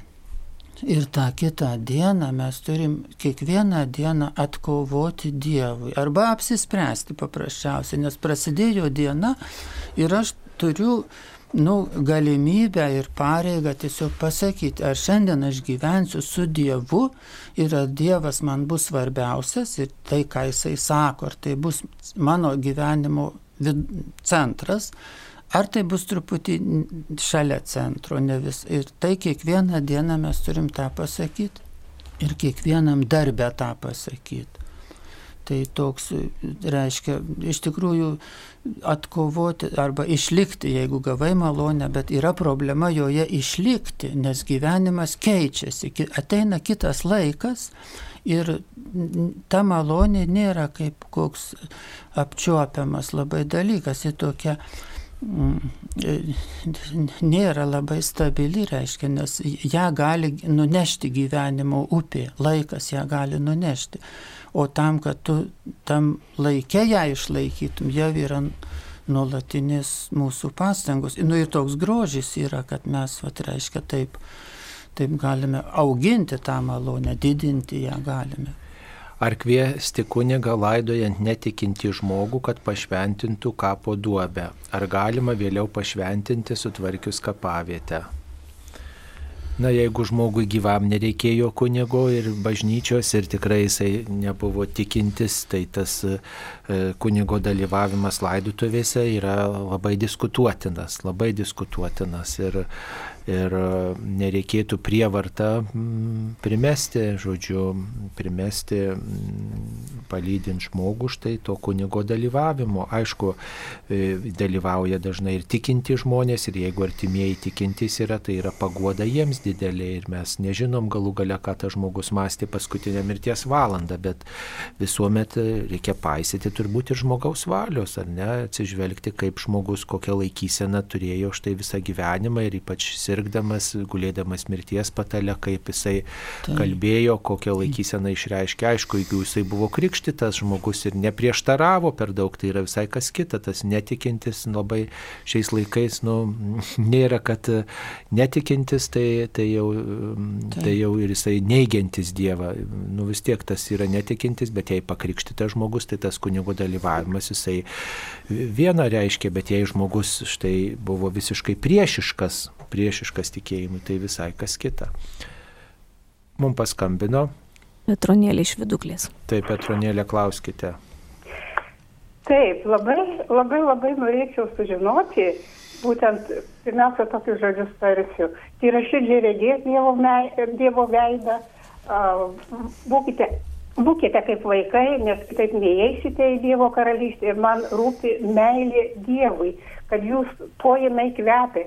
Jeigu galėčiau, aš sudėliočiau, kaip man, kaip man susidėstė į tą pusę būtent šitie dalykai ir tada jūs, jūs man papasakotumėt iš tikrųjų logiškai, nes aš logiškai turbūt nesuvokiu, aš posmeliai sudėjau šiek tiek apie tą dalyką ir labai norėtųsi jūsų išgirsti tik, tikrą tai sakyt, tokį, kad gyvenime jau gyventume tą meilę ir po to mes galėtume grįžti būtent pas jį. Taip, labai platus klausimas, kas yra Dievo meilė. Nu, apie tą mažutėlių jau temą mes svarstėm šitoj laidoj. Būkite kaip vaikai, tai reiškia, kad pasitikėkit, kaip vaikai pasitikė suaugusiais, kaip vaikai visą kuo kliaujasi suaugusių išmintim, patirtim, žiniomis, taip ir mes kliautumės Dievu, tai daugiau apie tai yra. Mokytis, taip pat vat, vaikai tokį priima tėvus ar mokytojus, taip natūraliai priima, ką sako, jie, jie išmoksta. O kai mes užaugame, sakom, o kaip aš viską žinai, jau dabar žinau, nemokyk manęs, net yra toks. Tai gal tas mokinystė, kad mes iš Dievo ateinam pas Dievą ir žmogus sako, ai tai aš žinau, va taip, taip, taip, čia reikia melstis, čia nereikia, čia reikia, bet mokinystė, kad tu esi atviras Dievui ir klausiesi jo, stengiesi suprasti, ką Dievas nori, kur vesti nori. Ir, ir mokinys yra tas, kuris nuolatos tada jisai auga, išmoksta, išmoksta, išmoksta. Ir mūsų žmogaus gyvenimas, krikščionių taip pat gyvenimas, jis gali būti taip suvokiamas kaip mokinystė, buvimas mokiniu, kad tu nuolatos nuolatos mokaisi. Meilė Dievui, Dievo meilė žmogui tai labiausiai atsiskleidžia Jėzaus Kristaus istorijoje - mylėti net priešus, už juos pasiaukoti, rūpintis kitais. E, tai yra visas Dievo meilės atsakymas žmonijai, tai yra Kristus ant kryžiaus.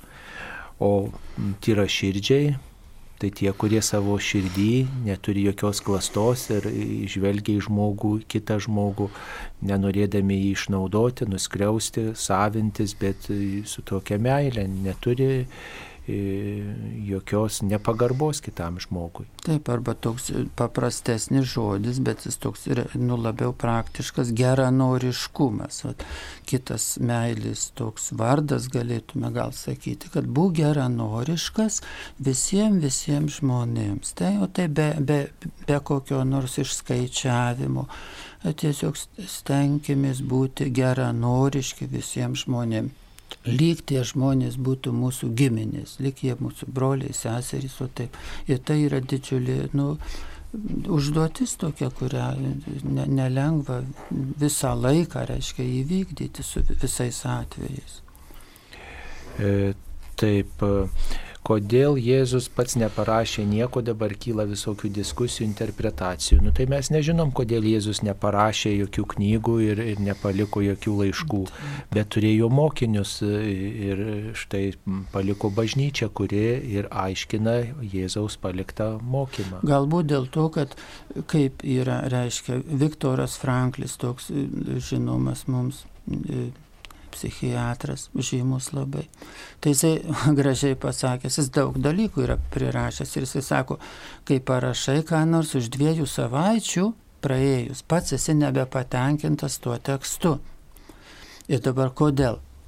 Dėl to, kad tu augi, reiškia, rašytojas, mokslininkas, jisai ne dėl to, kad tas tekstas blogas, bet dėl to, kad jis suspė, čia jis truputį gal tai pajokaudamas pasakė už dviejų savaičių.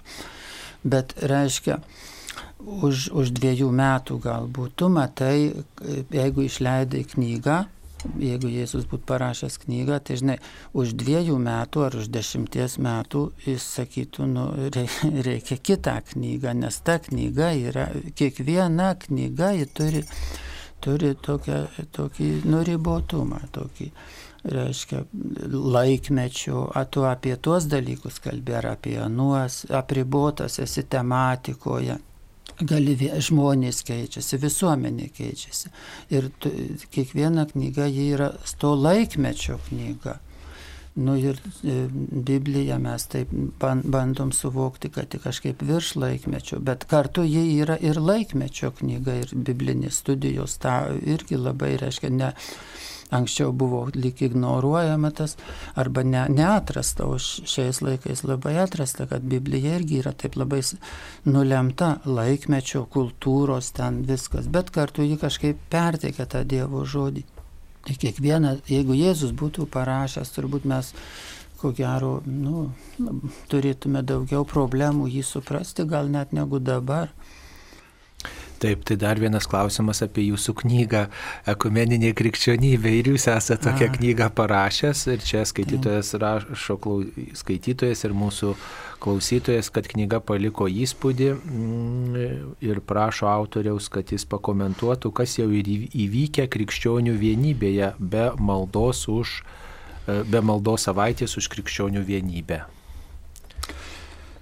Nu taip, įvykę turbūt įvykę tam tikras sąmonės, jau e, sąmonės branda įvykusi, toks atėjęs, e, aišku, įvairių labai žmonių yra, bet e, įvairių krikščionių, kurie vienaip ar kitaip kitaip turi savo nuomonės, bet tokiu bendru žvilgsniu žvelgiant tai yra visuotinis tam tikras supratimas, kad ekumenizmas, yra, nu, tai yra kelias krikščionių atei, dabarties ir ateities ir, ir niekas to nebeginčina šiandieną. Ir yra, yra aišku tų, tos problematikos, kuri išlikusi ir e, brolis Rožė, aš nežinau apie kurią knygą ar apie protest, kur nes... Ekumeninė krikščionybė. Ekumeninė krikščionybė, du tomai, mat, yra vienas skirtas protestantizmui, kitas rytų bažnyčiai. Mano dvi knygelės. Tai brolis Rožė yra tokių, tokių davęs, nu, tokių irgi impulsyvių, bet įdomių tokių, reiškia, kad e, idėjų, kad popiežius galėtų visus krikščionis pripažinti katalikais, o visi krikščionys galėtų priimti popiežių kaip tokį, nu, tokį chariz, charizminį galbūt atstovą, charizminį lyderį visų krikščionių.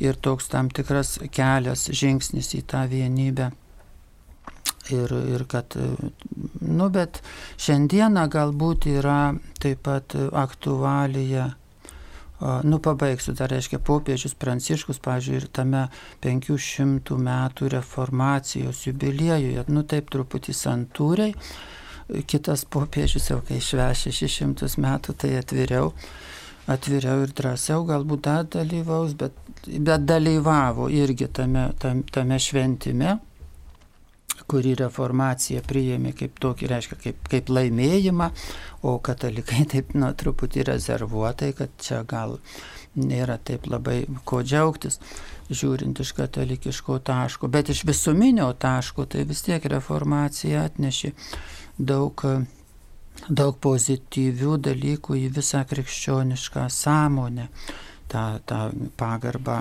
pagarbą ir vertinimą Biblijos ir tą, kad kiekvienam padavė į rankas Bibliją ir, ir tai yra irgi iš reformacijos atėjusi mintis, kurią dabar mes visi ir katalikai ir visi jau esam pasisavinę. Bet šiandieną, ko gero, yra ta religijų dialogo tokia aktualija, kur ji ne, ne, nu, nėra nėra dar tokiam sprendimo lygmenį, tokiam, kad, kad tikrai įvairių religijų e, atstovai, mokslininkai galėtų taip e, kažkaip pakilti, gali tokį, na sakyčiau, kas, bu, kas reikalinga būtų, nešališką lygmenį, visi o taip iš savo varpinės, iš savo varpinės. Tai e, Dievas neturi varpinės, Dievas yra toks absoliučiam tokiam objektyvume Dievas. Ir mes žmonės esame taip pat pašaukti būti panašus į Dievą, reiškia pašaukti būti objektyvus. Tai ir jeigu šiandieną mes suvoktume e, tą, reiškia, kad tikrai mums reikia e, panirti, pasigilinti į, į religijų dialogą, vardan ta, to, kad pažintume Dievą, dievišką paslapti, dievišką tikrovę ir vardant to, kad pažintume pačius save, kas dar svarbiau, kad mes pačius save geriau pažintume ir suvoktume. Ne, e, tai, tai tas yra šiandienos ir turbūt ateities tokia kelias ir už, užduotis, bet užduotis, kuri žada nu, vaisių, kuri kaip ekumenizmas savo vaisius atnešė. Taip ir tas religijų dialogas, jisai atneš savo vaisius į visiems, į, į visų, visų žmonių ir taip pat į kit, kiti, reiškia, dar sako ir su tais, kurie ale netikintys yra. E, su tais taip pat irgi su to sekuliariu pasauliu, nes sekuliarus pasaulis irgi tam tikras vertybės demokratinės, pavyzdžiui. Demokratinės šalis jos tokios tarsi, nu, tą religinį klausimą taip neakcentuoja, bet labai vertybės pasisako mora, už moralinės tokias, nu, socialinės moralės vertybės ir labai stipriai pasisako, ir tai yra kartais stipriau negu tikinčiųjų nu, bendruomenės, reiškia, negu, negu religijų atstovai. Tai tas yra, nu, čia įdomu ir tas daug žada turbūt tas dialogas. Ką bažnyčia gali padaryti dėl dabar plačiai diskutuojamo partnerystės įstatymo prieimimo ir kaip apsaugoti šeimą.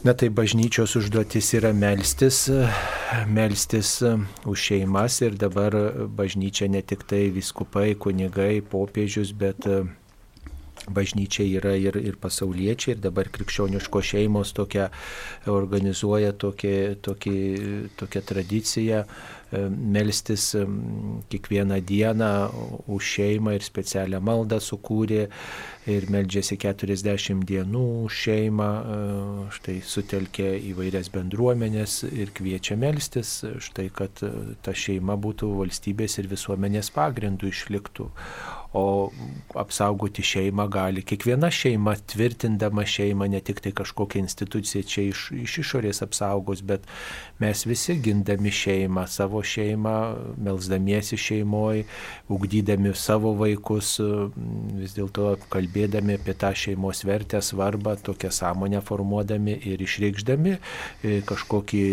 na, nepasitenkinimą galbūt kažkokiais svarstymais, kurie yra, e, kurie yra viešai svarstomi tie, tie visi įstatymai.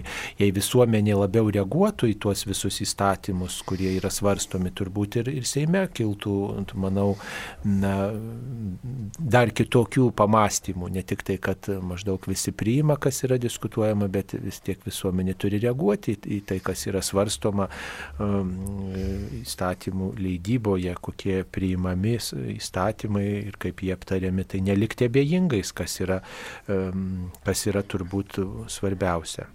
Gal tokia dar reiktų nu, mintį kažkaip ir tokia pasakyti apie antropologinę mintį, kad reiškia tie žmonės dėl tų partnerysčių vienos lyties, tai jie Jie sako, priimkite mus, kokie mes esame. Mes esame va tokie homoseksualūs.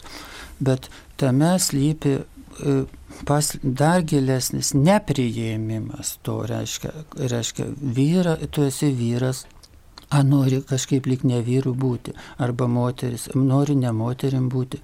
Tai jie iš tikrųjų, kas tas homoseksualizmo tokia klaida, kad jie nepriima savęs. Jeigu tu esi vyras arba moteris, tai ta, tu tuo ir būk, tu tuo ir būk. Ir, tai, ir reiškia, ir tas nepriėmimas. E, savęs, jisai niekur neveda, nužiūrint tokio žmogiškos raidos požiūrį arba religinių krikščioniškų požiūrių, tai tu niekur nenuveisi, jeigu tu sudarysi sieksi to, to ryšio su, ne su priešinga lytim, bet su savo lytim, tai tu iškreipi, nepriimi savęs.